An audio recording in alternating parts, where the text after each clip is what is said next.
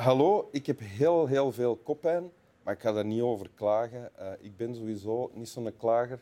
Dus je gaat er normaal gesproken niks van merken tijdens deze aflevering van Winteruur. Ik vermeld het alleen maar even voor als u mij zou eh, zien beginnen stuiptrekken uh, tijdens het gesprek, dan is dat alleen maar omdat de koppijn te gruwelijk is voor mijn lichaam en dat dit zich dan zo uit, maar verder hoeft u zich daar geen grote zorgen over te maken. Welkom, Seneguns. Hallo. Seneguns, muzikant, muziekproducer, cabaretier, um, auteur ook al van één grote hit. Ja. ja. De Goudvis ja. stond in de top 15 van de top 100 Bel beste Belgische nummers ooit. Ja. Radio 1, dus proficiat. Dank u. Ja. Merci. Um, is er nog iets dat ik moet vermelden voor we aan uh, beginnen te lezen? Nee, ik denk dat je het belangrijkste gezegd hebt. Ja. ja, ja volgens okay. mij hebben we het. Ja. En je hebt een flinke lap tekst bij, dus laat ons beginnen lezen. Ja. Uh, vanaf die avond begreep Swan dat de gevoelens die Odette voor hem had gehad nooit nieuw leven zouden worden ingeblazen. Dat zijn geluksdromen niet meer werden verwezenlijkt. En de dagen dat zij bij toeval nog aardig en lief voor hem was geweest, als hij iets attents had gedaan, zag hij die schijnbare en bedriegelijke tekenen van een flauwe hereniging aan met de geroerde, sceptische bekommerdheid, de wanhopige blijdschap van wie, wanneer zij voor een vriend zorgen die in het laatste stadium van een ongeneeslijke ziekte is gekomen, ze als hoogst belangrijke feiten vermelden. Gisteren heeft hij zelf zijn administratie gedaan en een fout ontdekt die wij bij het optellen hadden gemaakt. Hij heeft met smaak een ei gegeten en als hij dat goed verdraagt, proberen we het morgen met een kotelet. Ook al weten ze dat het holle woorden zijn aan de vooravond van een onvermijdelijke dood. Weliswaar was Swan er zeker van dat als hij nu ver bij Odette vandaan zou wonen, zij hem op den duur onverschillig zou laten, zodat hij haar graag voor goed uit Parijs had zien vertrekken. Hij zou de moed hebben gehad om achter te blijven, maar hij had niet de moed om weg te gaan. En dit komt uit de kant van Swan, du côté de chez Swan. Hè? Ja. Van À la recherche du temps perdu van Marcel Proust. Ja, klopt. Ben jij een van die tien mensen op de wereld die het helemaal heeft gelezen? Nee, misschien, misschien wel een die er uh, de ambitie heeft om het ooit helemaal te lezen. Maar ik ben misschien zoals een van de vele honderden mensen alleen nog maar door deel 1 geraakt. ja. Maar dan wel met genoeg plezier om er een fragment uit te kiezen. Ja, ja, ja absoluut. Ja, ik heb er mij eerst moeten... Ik ben waarschijnlijk, zoals veel mensen, er een paar keer in begonnen zonder dat het lukt. En heb ik het weer weggelegd. En dan is het me tijdens uh, de lockdown eigenlijk toch gelukt om het helemaal uit te lezen. En, ja, ja. Dan ben ik er wel echt helemaal, helemaal in geraakt. Eh, Ja, en dan genoot je er wel van. Ja, ongelooflijk. En ja. dan heb je dit gekozen, Ja. dit fragment. Wat, wat wordt hier... Ja, hier op dit stuk eh, begrijpt Swan, Swan is een van de hoofdpersonages eh, van het boek, eh, en snapt hij, hij, heeft eigenlijk een soort eh, ehm, relatie, liaison met een, met een vrouw, Odette, die Ja. van lagere klasse is. Ehm, en hij heeft eigenlijk de tien bladzijden voorafgaand aan dit stuk. Heeft hem, ze hebben zo een liedje dat ze te samen horen. ehm, de sonate van Vinteuil, die trouwens niet echt bestaat. Die heeft Proest verzonnen, maar heeft de tien bladzijden daarvoor heeft hem...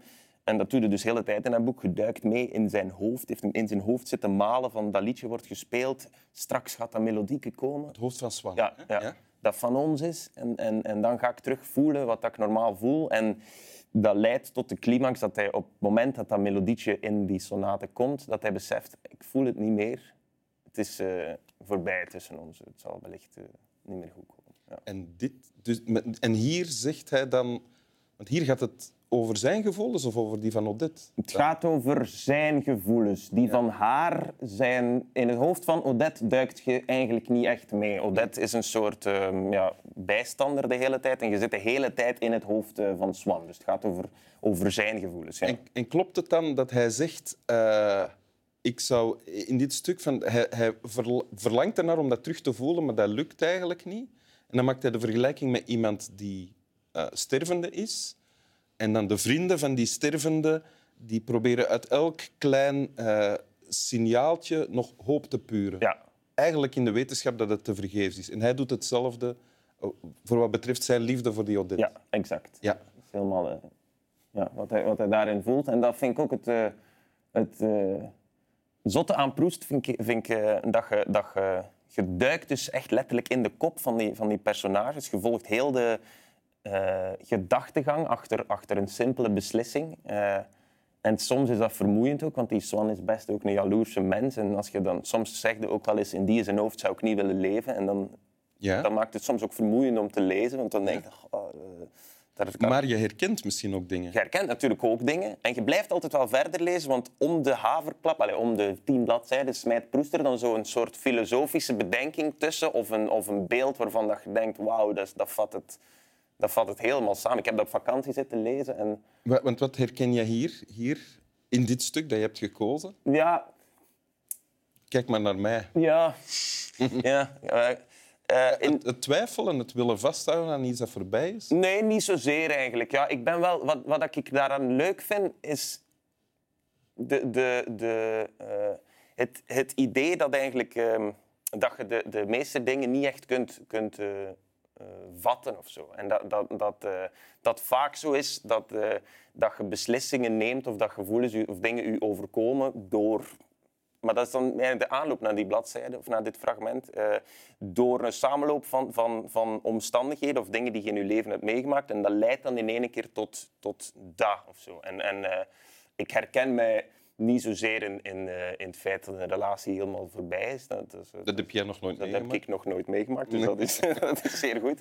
Eh, maar, maar wel in, in, ja, wat ik chic vind, is, is dat, die, dat, die, ehm, dat die gedachte dat, eh, of zijn- zijn, zijn conclusie of zo, dat, dat, die, dat hij die maakt op basis van ja, allerlei dingen die hem in zijn leven heeft meegemaakt, allerlei kunstwerken die hem gezien heeft, allerlei schilderijen, muziek die hem gehoord heeft, misschien dingen die hem heeft meegemaakt. En dan in die end in één keer belandt hem bij, ah ja, maar het is, het is zo. En het is niet dat hem daar... Om daar dan, daarna weer de andere kant van te zien. Ja, absoluut. ja. De hele tijd. Maar is dat niet... Dat is toch wel iets menselijks, denk ik, dat we dat doen. Dingen overkomen ons, we ervaren dingen en nadien, of terwijl het gebeurt, eh, of vooraf, beginnen we dat te proberen begrijpen en, en leggen we allemaal verbanden ehm, die dan lijken te kloppen, maar toch niet helemaal. Maar zo proberen we zo vat te krijgen. Ja, zeker. Ja. En dat is, dat is wat dat hij dus in, eh, wat dat Proest in dat boek... En het zotte is dan dat Proest zeven delen schrijft met allemaal personages, waar het hem allemaal in. Die, dus die mens is, is veel meer mensen geweest dan dat wij ooit kunnen zijn. Maar eh, ehm, dat is inderdaad het frappante. We doen dat allemaal. Maar het leuke was, als je dat begint te lezen eh, tijdens de lockdown, hè, in, in, in tijden van corona, dat, dat mensen heel veel signaal gaven van er is nood aan duidelijkheid en duidelijke regels en er moet duidelijkheid zijn. En ik was heel het Proest aan het lezen en ik dacht, ja, er is gewoon er is helemaal niets duidelijk. De, de, de, de, het heeft geen zin om te proberen elk klein detail in duidelijkheid of in een regel te vatten. Want de beslissing die je neemt gaat toch afhangen van al hetgeen dat jij onderweg gezien hebt, hebt meegemaakt, kunstwerken die je gezien hebt. En je gaat denken, ik ga toch bij mijn moeder in de hof een koffie gaan drinken. Dus jij bent geen grote voorstander van duidelijkheid dan? Ik denk wel dat er duidelijkheid moet zijn, maar ik denk dat, eh, dat, eh, maar dat is misschien nu wat filosofisch. Dat het een illusie is om... Ja, als, Ah, ja. als een, volgens mij wordt een wereld veel com- alsmaar complexer. En denken de mensen dat het makkelijker gaat worden als elk klein dingetje duidelijk is. Maar ik denk dat elk klein dingetje veel duidelijker zou worden als je gewoon heel veel dingen doet, reist, leest, ziet. En dat je dan veel meer duidelijkheid hebt dan elk klein dingetje te proberen vatten. Oké. En zo kunnen we nog uren Ja. verder praten, Ja. zoals eh Proest dat ook heeft gedaan, als schrijvende. dan. Ja, absoluut. Eh, wil je het nog eens voorlezen? Zeker, ja. De juiste bladzijde pakken. Trouwens, dit, dit, dit boek is een boek over de kunstwerken die in de boeken van Proest worden beschreven. Ja, ja, want ik heb nu geen fragment waar hem eh, specifiek naar een schilderij linkt, maar dat doet hem dus Ja. de hele tijd. Hij ziet die Odette eigenlijk niet zo graag en hij vereenzelvigt haar in één keer met een schilderij eh, van Botticelli. En eh, eh, dan denkt hij plotseling, ah, maar kijk eens, die lijkt daarop, dus het is toch een knappe vrouw. Ah, ja, ja, ja. En dat schilderij staat dan hierin? schilderij staat. Ah, ja. Zo knap is ze niet. hè. Nee. Nee. Oké. dat lezen. Vanaf die avond begreep Swan dat de gevoelens die Odette voor hem had gehad nooit nieuw leven zouden worden ingeblazen. Dat zijn geluksdromen niet meer werden verwezenlijkt. En de dagen dat zij bij toeval nog aardig en lief voor hem was geweest, als hij iets attents had gedaan, zag hij die schijnbare en bedrieglijke tekenen van een flauwe hereniging aan met de geroerde, sceptische bekommerdheid, de wanhopige blijdschap van wie, wanneer zij voor een vriend zorgen die in het laatste stadium van een ongeneeslijke ziekte is gekomen, ze als hoogst belangrijke feiten vermelden Gisteren heeft hij zelf zijn administratie gedaan en een fout ontdekt die wij bij het optellen hadden gemaakt. Hij heeft met smaak een ei gegeten en als hij dat goed verdraagt, proberen we het morgen met een kotelet. Ook al weten ze dat het holle woorden zijn aan de vooravond van een onvermijdelijke dood. Weliswaar was Swan er zeker van dat als hij nu ver bij Odette vandaan zou wonen, zij hem op den duur onverschillig zou laten, zodat hij haar graag voorgoed uit Parijs had zien vertrekken. Hij zou de moed hebben gehad om achter te blijven, maar hij had niet de moed om weg te gaan. Enzovoort, enzovoort. Enzovoort. Dank u wel. Plezier. Slaap wel.